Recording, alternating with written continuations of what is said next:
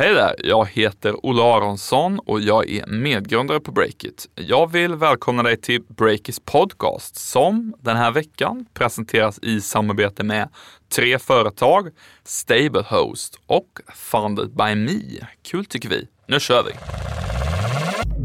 God morgon! Barnkanalerna på Youtube är rena guldgruvan.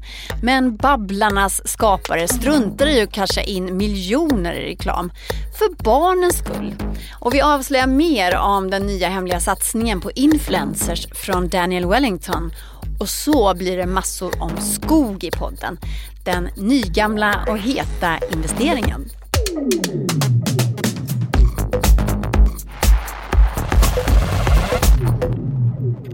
Du lyssnar på Breakits podcast och jag heter Katarina Andersson.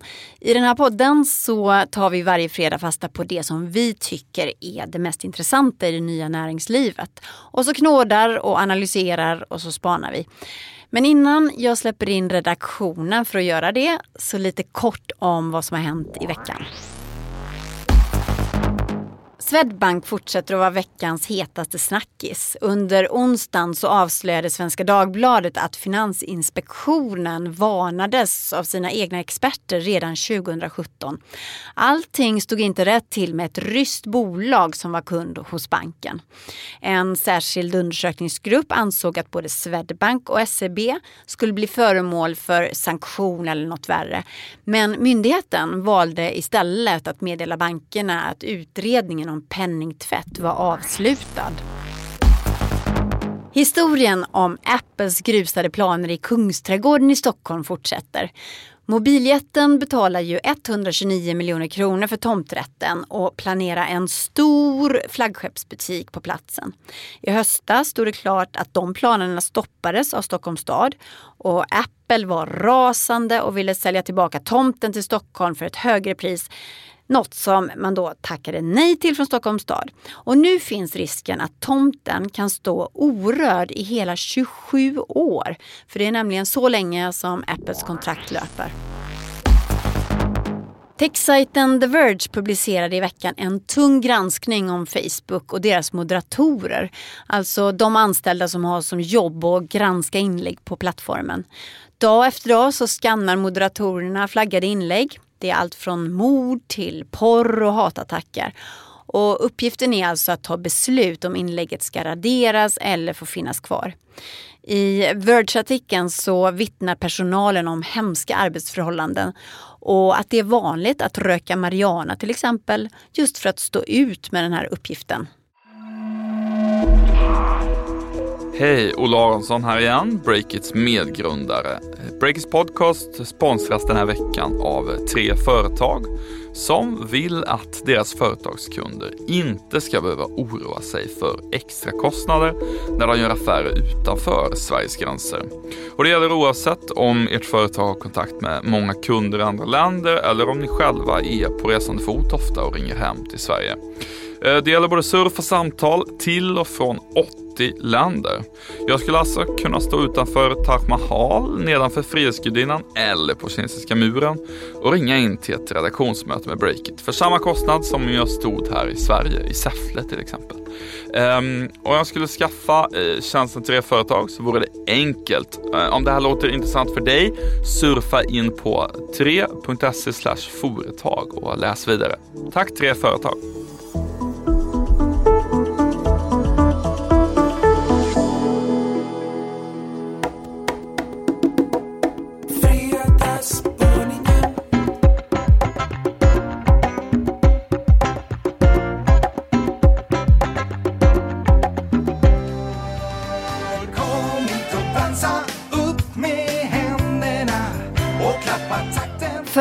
In i poddbåset den här fredagen, Caroline Englund, välkommen hit. Tack så mycket.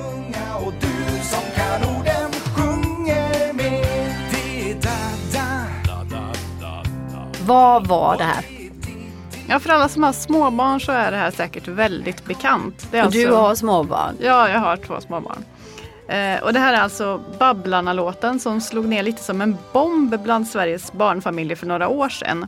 Mm. Den finns på Youtube och framförs av några färgglada tecknade figurer som dansar och gör lite rörelser. Jag tror att jag har sett de här. Är de lite, är de lite ulliga också eller? Nej, Nej, de är inte olika. De har olika färger. jag tänker på någon annan. Eh, och- och. Teletubbies kanske jag ja, tänker på. Ja. Ja, men det är inte de. Och eh, det som är spännande med de här är att barn blir som besatta när de tittar på Babblarna och lyssnar på de här låtarna. Och vid det här laget så har den mest populära låten 70 miljoner visningar på Youtube. 70 miljoner. Ja. Och de sjunger på svenska alltså? Ja. Nej men, gud. Vad har du för spaning kring det här då? Jo men min spaning handlar om populära barnkanaler på Youtube och vad entreprenörerna bakom kan tjäna på det här. Mm. Den Youtube-profil som tjänade allra mest av alla i hela världen förra eh, året var en åttaårig amerikansk pojke som heter Ryan. Vad gör han då? Eh, jo, han recenserar leksaker på Youtube. Nej men gud, hur låter det då? Ja, alltså han testar dem och berättar för sin publik eh, om de är bra eller dåliga. Och eh, enligt den amerikanska sajten Forbes så drog han in nästan 200 miljoner kronor på det här förra Ja, året. Eller hans föräldrar antagligen då. Men har vi någon svensk motsvarighet till, till Ryan? Någon riktig sån här barn-Youtube-stjärna? Vi har ju många kanaler och som vi lyssnar precis eh, på så eh, Babblarna är ju väldigt populära. Mm. Eh, Och jag har faktiskt pratat med skaparna bakom Babblarna som heter Anneli Tisell. Och hon berättade för mig att hennes tanke var aldrig att bli rik på det här utan hon la ut den här filmen på Youtube och sen bara exploderade. Mm. Men är det inte så att Youtube bara bäddar in annonser före och efter filmen och så får man en massa pengar ändå? Så hon tjänade pengar på det? Nej, för att eh, man som youtuber så kan man välja om man vill ha annonserna påslagna eller inte. Har man dem påslagna så kommer det automatiskt pengar om man har många visningar. Mm. Eh, och har man dem avslagna så får man inga pengar. Och Anneli Tisell berättar för mig att eh, det här är en principsak för henne. Hon vill inte att barn ska utsättas för reklam så hon har aldrig haft annonserna påslagna. Och så hade hon så många visningar. Ja, hon 70 är- miljoner. Hon ja. hade ju kunnat vara hur rik som helst. Ja, det hade hon kunnat vara. Den här människan tycker jag är otroligt ädel. Ja, Verkligen. men det är jättefint att tänka på barnen verkligen. Men vad lever hon på då? Jo men hon har ett eh, bolag, ett eh, ganska stort förlag faktiskt med tio anställda. Och det de tjänar pengar på är att de säljer böcker och prylar som är kopplade till de här figurerna. Ja, ja. och det, det tycker hon inte är lika jobbigt då utan då får barnen lite så här gosedjur och sådana saker istället. Böcker. Ja precis. Så det är det de drar in pengarna på. Men finns det några andra? Alltså jag hade inte ens en aning om att landskapet såg ut så här när det gäller barn-Youtube och också dessutom svenska barn-Youtube. Så finns det ännu fler? Det finns många fler. Och framförallt så är det en som är jättestor. En av Sveriges största youtuber överhuvudtaget Det är en barnkanal. Och det är en familj som springer runt i olika lekland. Har du varit på ett sånt lekland? Ja det har jag nog Ja. för länge sedan. Eh, Så de springer runt där och bara leker helt enkelt. Och och så filmar de det här? Och, Ja, de filmar det. Och det här Som att de recenserar Nej, de bara leken. leker. De säger ingenting utan de bara är där och leker. Och det som är bra med att de inte säger någonting är att det här har ju dragit en internationell publik. Ja, Så de har ju tittare över hela världen. jättesmart ju. Ja, de har 1,7 miljoner visningar om dagen på sina klipp. Nej men gud, SVT skulle ju blekna av en sån konkurrens. Varför gör man inte ett sånt program på SVT? Ja, får fråga SVT. Nej, för det verkar ju ganska enkelt. Jag pratade ju med eh, den här familjen då och eh, pappan berättade att ja, men nu är det sportlov, nu ska de åka ut och ta några lekland. Så gör de det och sen bara rullar klippen och sen annonspengarna in. Det är ju en fantastisk eh, livsstil om man är barnfamilj. Det kanske är Precis. jätteroligt och så kan man tjäna pengar på det också, sitt resande. Finns det någon mer då som har stuckit ut som du har tittat på? Ja, en som jag har kollat på alldeles för många gånger är en animerad apa som sjunger ABC-sånger med en datorröst. Är det något som dina barn kräver, alltså att du ska sitta och titta på det här? Alltså, jag försöker ju, de tittar ju mest när jag vill vara i fred men man hör ju ändå den här apan och jag har sett den ganska många gånger. Och, eh, det är ganska taffligt animerat men det gör succé verkligen. Eh, den här kanalen eh, har 250 000 prenumeranter bara i Sverige och sen har ju den här killen som har gjort eh, animationerna spritt det här utomlands också. Så att det finns Mm. kanaler på massor med olika språk. Men du menar att det är ganska taffligt gjort? Det är inte snygg tv alls? Nej, nej du får gå in och kolla. Det, det är inte, det är inte eh, premiumkvalitet. Mm. Men det är inte alltid kvalitet som säljer, eller hur? Nej, absolut inte. Men därför så blir jag lite bekymrad. För vad hände med Bolibompa? Alltså min tonåring nu då. Det var ju hans barnkanal kan man säga. Mm, men det finns ju ett väldigt mycket större utbud och jag tror att de här nya kanalerna eh, konkurrerar ut Bolibompa eller de i alla fall eh, Men gud vilken bomb Karo. Det ska bli en sån här citatrubrik. Konkurrerar ut Bolibompa. Ja, Kanske inte konkurrerar ut, alltså SVT gör ju mycket. De har gjort en jättebra app eh, som man kan gå in och göra massa interaktiva saker på som många använder. Och eh, de har också lanserat ganska nyligen en eh, kanal på Youtube som heter Bolibompa Baby. Mm, så de vill finnas där och synas De finns där. Men eh, när jag var inne och kollade nu så hade den bara 13 000 prenumeranter och då kan man ju jämföra med Leklandsfamiljen som har varit 3,6 miljoner prenumeranter. Så de har en bit kvar SVT? Eh, en ganska stor bit kvar. Ja. Men du, eh, framtiden för de här entreprenörerna då? Vad tror du om den? Ja, men jag tror inte att eh, Ryans framgångsrecept, det här med att testa leksaker, är vägen att gå för eh, svenska Youtube-kanaler. Nej, för då skulle svenska föräldrar bli ganska upprörda. Det tror jag. Det är väldigt känsligt med reklam och produktplacering som riktar sig till barn. Eh, och de som ligger bakom kanalerna, jag har ju pratat med nästan allihopa. Mm. Och de är ju generellt sett föräldrar, småbarnsföräldrar som vill göra gott. De vill göra något bra. Och, och de kan inte tänka sig ha samarbeten eller sponsrade inlägg utan de är idealister kan man säga. Men det är ju ännu roligare då att de faktiskt kan tjäna pengar på det här. Ha? Ja precis. Jag Den här tror... gamla vanliga kängan, vi vill göra gott för världen och sådär som startup säger. Men i det här fallet så det är jätteroligt. Ja, jag tror också att de kommer tjäna mer pengar framöver. De har ju en väldigt hängiven målgrupp kan man säga och jag tror att eh, den här nya formen av barnunderhållning bara kommer bli vanligare och vanligare. Och eh, nu så lägger ju annonsörerna fortfarande en ganska stor del av annonsbudgeten på traditionella kanaler.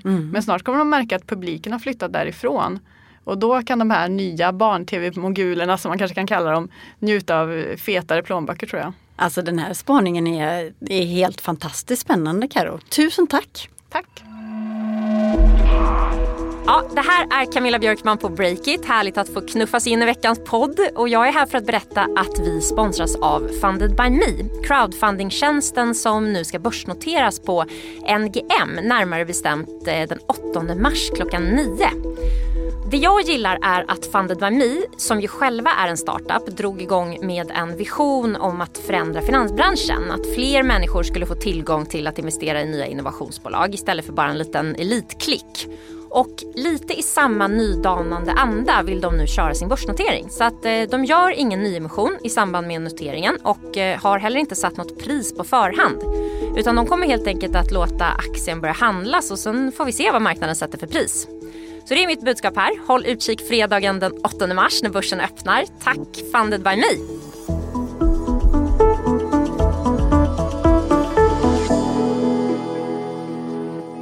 Erik Wisterberg, hej och välkommen hit. Tack så mycket Kat. Hi. So we are gonna have a nice swim here. La la la.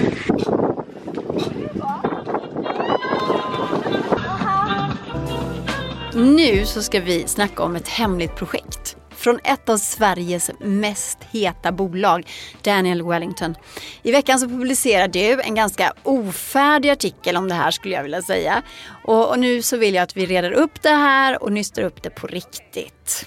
Ja, jag brukar ofta vilja ta med mig en riktig karamell in i poddstudion här. Det är din så specialitet. ge liksom dig och eh, lyssnarna något exklusivt eh, och tänkte göra det, det idag. Mm. Eh, men jag tar bakgrunden först. Alla kollar ju avundsjukt på Daniel Wellington, klockbolaget som gjort entreprenören Philip Tysander rik som ett troll. Han hade köpt eh, Stockholms dyraste lägenhet sa du innan. 104,5 miljon kostar den och den har ju en egen så här penthouse eh, med tak, terrass och pool ovanpå ett hotell mitt Mm. i Stockholms innerstad. Så rik kan man bli på klockor. Yes, och framgången bygger i stort sett helt på hur det här bolaget har lyckats med sin marknadsföring i sociala medier och via influencers.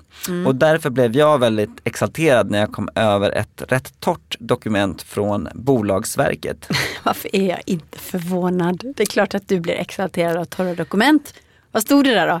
Ja men det var ett väldigt minimalistiskt dokument men det stod att man hade registrerat ett mystiskt namn. Kite, alltså K-A-Y-T. Både som ett särskilt företagsnamn och som ett varumärke. Och ledtrådar i det materialet pekar mot att Daniel Wellington ska starta någon slags marknadsföringsbyrå. Men exakt vad det var visste jag inte. Och, eh, så jag skrev den här artikeln lite ofärdig faktiskt och uppmanade eh, våra smarta läsare att höra av sig med tips helt enkelt. Mm, du kommer att bli Sveriges största så här, crowdsourcing-journalist för du frågar ju ofta läsarna. Eller hjälp. Sveriges lataste journalist. Ja, nej, jag tycker, jag tycker det är ett bra jobb, jag tycker det är spännande. Men var det någon som kom upp med någon bra idé då? Någon Ja. bra lead? Ja verkligen, det var, det var flera som pekade på att det faktiskt eh, hade kommit upp en sajt för Kite, alltså kite.com. Eh, och den fanns inte där när jag tittade i början och sen hade jag lite sportlov och sådär. Men i alla fall, den kom. Och den består bara av några få meningar och en liten inloggningsruta för de influencers som har blivit Aha. inbjudna. Men då var det en observant läsare som tipsade om att det går att liksom titta in i koden bakom den här minimalistiska Titta fasaden. in i koden. Hur gör man då? Eh, ja, alltså det är inget dataintrång eller så, eh, för det hade ju varit, kanske gå lite väl långt. Men Ja. det finns ett eh, webbläsartillägg till Chrome som gör att man kan inspektera koden bakom i stort sett alla webbsidor. Gud vad du är teknisk. Det Ja, kan du alltså? Jag har faktiskt gått utbildning i datajournalistik. Ehm, men det, det här är väldigt enkelt, alltså alla kids vet om hur man gör det här. Det är ing, Mm. inget konstigt. Men så i onsdag så satt jag där med 60 sidor kod framför mig. Och eh, det mesta är ju liksom programmeringsspråk, alltså helt oläsligt sådär. Eh, men instucket här och där så fanns det också textelement som berättar typ allt om det här. Nu så tycker alla att du är helt speciellt och jätteduktig. En sån riktig grävare som sitter med 60 sidor kod. Då. Men vad kom du fram till? Alltså kunde du tyda det här? Ja, och det Daniel Wellington håller på att göra är att de håller på att bygga ett eget influencer-nätverk. Är du så- riktigt säker på det? Ja, nu är jag helt säker på det. Mm. Jag är 100% säker. Så om jag har fel i det här, då kommer jag liksom lämna in mitt journalistlägg och eh, börja jobba som cykelbud igen istället. Men så här står det. Daniel Wellington är beroende av våra influencers. Som skapare av vår framgång vill vi också att ni ska kunna ta del av vår framgång. Vårt sätt att säga tack är att eliminera de frustrerande och tidsödande delarna av samarbeten så att du kan fokusera mer på det som betyder något för dig. Det låter väldigt fint. Ja, det är ett sånt här mission statement liksom. Eh, Men det det betyder i praktiken som man kunde läsa längre ner i koden är att man som influencer, alltså som Instagram-profil då till exempel, kan registrera sig på den här plattformen och sen få uppdrag, eller missions då som de kallar det. Och de här handlar ju om att marknadsföra produkter med hjälp av personligt genererade rabattkoder. Eh, Och eh, Sen kan man få belöningar då när man har utfört de här uppdragen. Så att eh, om du har till exempel ett konto som skulle heta Kattmedia så skulle du kunna ha liksom Kattmedia 20% eh, och så liksom kränga varor till dina kompisar i stort sett. Och i den koden som jag har tittat på så verkar det här i nuläget handla om Daniel Wellingtons egna klockor. Men jag tror nog att Kite kan vara något större också. Du är något mer på spåren. Men du, i, i reklamvärlden så pratar man ju ofta om det här skiftet. Alltså att man istället för att betala en riktigt känd influencer som Kinsa till exempel 200 000 kronor för ett inlägg så, så kan man dela upp det här och betala liksom istället eh, 10 000 eh, influencers, vad blir det, 2 000 kronor? Nej men förstår du vad jag menar? Ja, eh, och man försöker ju nu kanske hitta liksom de som är opinionsbildare i en liten klick. Eh, alltså den som är eh, i ett kompisgäng eller en större gemenskap runt ett ämne, liksom en auktoritet men kanske inte har hundratusentals följare. Och då tror man att det blir kostnadseffektivt. Men för att använda det här då som kallas för typ microinfluencers eh, så krävs ju skalbarhet. Alltså det går inte att sitta, eller det går att göra det, men eh, det blir tidsödande att sitta och skicka DM till alla de här på Instagram och Ja. hoppas att de ska nappa. Ehm, så att om Daniel Wellington gör det här nu, by- bygger upp ett eget massivt nätverk med influencers där de också kan liksom bevisa effekten med egen data. Då skulle det här ju kunna bli ett nytt affärsben för det här succébolaget och då kan de ju sälja sina profiler till annonsörer i hela världen och tjäna ännu mer pengar. Men det här är ju jättespännande. Men har du fått några belägg för att det är så? Har du pratat med Daniel Wellington själv? Nej, jag har på olika sätt eh, försökt att få tag på dem och eh, det fanns också en mailadress gömd i den här koden som var hello at kite.com som jag har mailat men det är helt tyst därifrån. Det som det också visar koden eh, är ju att man kommer ge Daniel Wellington tillgång till en massa data. Eh, Om man signar influencer. upp i det här nätverket. Precis, det var ett ganska så här, långtgående terms of service-avtal som låg eh, inbäddat där också. Men vad tänker du om det då? Ska, ska du varna influencers för att ta del av det här nätverket? Nej det ska jag inte göra men jag skulle nog säga att du vet i det här läget när man ska signa upp sig för någonting och så kommer det upp en sån här ruta där du kan bara trycka I agree. Ja. Då skulle jag väl rekommendera att man läser det först helt enkelt. Annars kanske du är fast i Daniel Wellingtons klor för evigt. Inte riktigt så men den där typen av datan har ju ett värde helt enkelt och eh, Det borde man det inte är frågan om man tänker ge bort det eller inte. Så. Eh, och jag skulle väl gissa att de allra största influencerna inte skulle göra det. Nej. Men du innan vi slutar så vill ju jag bara veta, för nu har vi sagt det här ordet eh, många, många gånger. Kite. Du har gjort det. Kite, vad betyder det? Vad, vad är det? Ehm, jag vet faktiskt inte riktigt. Påhittat. Men om man söker på internet då, Mm. då hamnar man på Urban Dictionary. Ah. Där man tittar ju, kollar upp sådana begrepp som man inte fattar på engelska. Mm, slang och sånt. Och då är en kite, det är liksom en snygg, smart, genuin och het tjej. Smoking hot tror jag att det stod. Och hon älskar musik, hon älskar kaffe och är en musa. Och hon tror på människor, älskar djur och hennes kärlek är villkorslös. Alltså den här typen av tjej som kommer in i en romantisk komedi och har huvudrollen. Kanske Cameron Diaz i There's something about Mary om du kommer ihåg. Alltså en sån här snygg tjej som är härlig, som alla vill liksom vara med men som inte riktigt bryr sig om att hon är snygg utan bara är cool. Mary.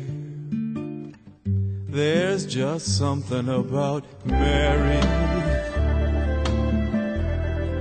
Ja, Och så vill väl Kite vara också då kan jag tänka mig. Den här som folk vill eh, lyssna på eh, och vara så här skön.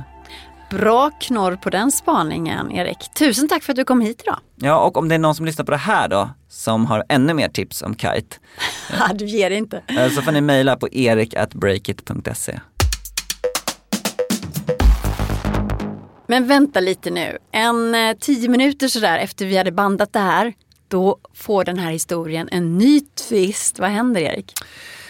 Ja, efter att eh, jag sprang ut ur poddstudion och kollade på kite.com igen så har den förändrats helt och hållet. Det går inte att komma in på kite.com utan nu slungas man vidare till en eh, annan URL helt enkelt och där ligger det nu något helt annat. Så den här dolda koden är borta och eh, ja, nu står det helt enkelt att Kite är en members club för influencers och varumärken. Mm, då hade du ju rätt där. Ja, jag vet inte hur man ska tolka det här riktigt men jag, jag är fortfarande rätt säker på att jag har rätt. Men Daniel Wellington kanske inte vill att man ska gå och, och vacka runt i deras kod helt enkelt. Nej. Men tror du att den här ändringen då som plötsligt har skett, har den någonting med ditt eh, avslöjande att göra? Artikeln du skrev i veckan? Kan ju bara vara en slump att de tog bort den precis eh, efter vår artikel eller så är det så att Daniel Wellington vill liksom lägga ut en liten rökridå kanske. Mm. Spännande, fortsättning följer. Yes. Ola Aronsson här igen. Idag sponsras vi också av Stablehost, webbhotellet som vill påminna dig om att domäner verkligen spelar roll. En del snackar nu för tiden om att webben är död, allt sker inuti mobilappar, men nej, så är det verkligen inte. När folk letar efter någonting så går de fortfarande in på webben, gamla klassiska www och skriver in någonting i en sökmotor. Och då vill du att just ditt företag ska dyka upp och att folk ska klicka på din länk. Och där är det fortfarande väldigt viktigt att ha på den svenska marknaden en riktig .se-domän som inger trovärdighet. En bra domän gör också att du rankar högre upp i sökresultaten. Eh, just nu hos Stablehost kan du skaffa en .se-domän för bara 5 kronor. Läs mer på stablehost.se.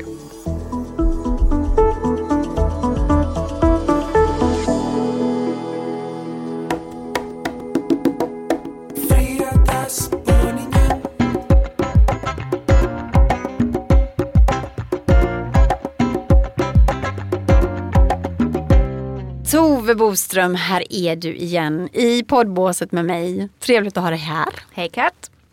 Du ska spana kring skogen har du förvarnat om. Eh, skogen, vad är det för spännande med den?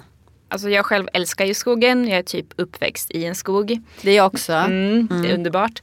Skogen är ju nämligen en riktig guldgruva för både vår ekonomi och för vår framtid. Jaha, så det är ditt statement. Mhm. Mm, guldgruva för vår framtid. Ja. Ja. Och eh, jag tänker ju bara när jag tänker på skogen så tänker jag bara på de här enorma skogsbränderna i somras. De var ju faktiskt riktigt, riktigt eh, tragiska med hemska rubriker överallt. Sverige brinner och så. Ja, det var ju helt eh, fruktansvärt. Det måste ju ändå ha stukat skogen en del, eller? Det var ju jättemycket skog som brann upp, var det inte så? Ja, det var, det var enorma värden som gick, eh, som gick förlorade. Men ändå tror du på skogen? Det gör jag absolut. Och eh, det kan ju vara en god idé att försäkra sin skog framför allt. Men eh, om vi tar en titt på själva marknaden så är det ju väldigt många skogsägare som kan eh, götta sig i att eh, priserna är ständigt stigande. Alltså inte som bostadsmarknaden då som kan vara ganska svettig. Det här känns ganska nytt för mig. Det som du berättar nu att skogsvärdet håller och sådär. Eller och stiger. Men vad är det vi ska göra med, med skogen framöver? Ja, det finns supermycket vi kan göra. Alltså svensk Trä har massa smarta och klimatvänliga användningsområden. Eh, Johan Freil, han är chef för affärsområdet skog och lantbruk på Danske Bank. Han var inne på det här i höstas. Jag citerar honom. Då sa han så här. Jag skulle vilja påstå att vår skogsindustri nu går in i en ny era från basindustri till high-tech-sektor. Mm-hmm. Ehm, och istället för olja skulle vi i många fall kunna använda skogens råvaror istället. Så plast och kemikalier och liknande skulle kunna ersättas med andra biobaserade lösningar. Mm, det låter jättebra, men hur långt har man kommit då i det här? Ja, en bra, bra bit på vägen och sen pågår det massa spännande projekt. Man kan exempelvis använda cellulosa inom medicinteknik för att tillverka mänskliga öron och näsor. Nej. Bygga solceller eller smarta förpackningar. Just det med smarta förpackningar är någonting Billerud Korsnäs och eh, forskare har hållit på och tittat på. De vill ta fram eh, vad de kallar ett pappersbatteri. Va? Pappersbatteri, det har jag aldrig hört talas om. Vad är det för någonting? Det är lite, lite komplext men kortfattat så handlar det om att man vill kunna lagra elektrisk energi i pappersmaterial. Och med hjälp av sensorer då så skulle vi kunna få smarta förpackningar som eh, mäter temperaturen och säger till om mjölken är dålig kanske eller visar sin position så att vi kan följa transportkedjan och se var förpackningarna är och vart saker går fel och så. Mm-hmm. Mm. Och du har pratat med en person som, som eh, har fått upp ögonen för skogen. Per Svärdson, han kanske för många är mer förknippad med e-handel. Han har ju grundat både Adlibris och äh, snabbväxande nätapoteket Apotea. Han och Apotea-grundarna har dragit igång ett nytt bolag som äh, ja, investerar ganska hårt i skogssektorn. De, äh, de hoppas att det här ska ge en bra prisutveckling och visa sig vara en bra investering framöver. Okej, okay, så den här Per han, han tänker tjäna pengar på skog framöver? Ja, det här ska delvis eh, trygga hans eh, pension då säger han. Mm-hmm. Men sen är det så här om du vill bli rik eh, supersnabbt så är det väl kanske inte just skogen du ska satsa på där. För när det kommer till skog så ska man ju helst ha ett lite långsiktigt perspektiv och vara lite mer tålamodig. Eller som Per Svärdson själv uttrycker det, det här med skog är ju inte något man riktigt daytradar. Det är, alltså, han så? Ja, det är inte riktigt snabba klipp på börsen vi snackar om här alltså. Utan det är långa, långa perioder. Ja. 20 år, 30 år, 40 år, 50 år. Precis, sen finns det lite att tänka på också. Jag pratade faktiskt med killen som sköter eh, Svärdsson eh, och Apotea-grundarna skogsinvesteringar, Kenny Svan, som gav mig lite tips. Jaha. Mm. Mm. Vad fick du för skogstips då? Ja, nej men Kenny berättar bland annat då att priserna på skog har gått upp nästan överallt utöver typ delar av norra Sverige. Och Kennys råd är bland annat då att man ska räkna kassan så att man inte hamnar i en situation där man tvingas avverka direkt. Han tyckte mm. också att Mellansverige är hetast att slå till i då priserna där är lägre än i söder. Tillväxten är bra och så är det nära till industrin. Blir du sugen själv, Tove, på att investera lite i skogen? Du som gillar skogen, men ja, du som kommer från skogen. Ja, ja vi har lite skog faktiskt, så vi får väl se. det är lugnt. Jag har inte så mycket pengar i kassan just nu tyvärr. Tack så jättemycket för spaningen, Tove. Tack. Nu är veckans upplaga av Breakits podcast slut. Lyssna på oss nästa fredag. Vi som har varit med och gjort podden idag det är Caroline Engström, Tove Boström, Erik Wisterberg och så Tobias Blix. Tekniker Fredrik Nilsson och Aronsson är ansvarig utgivare och själv så heter jag Katarina Andersson. Trevlig helg nu allihop.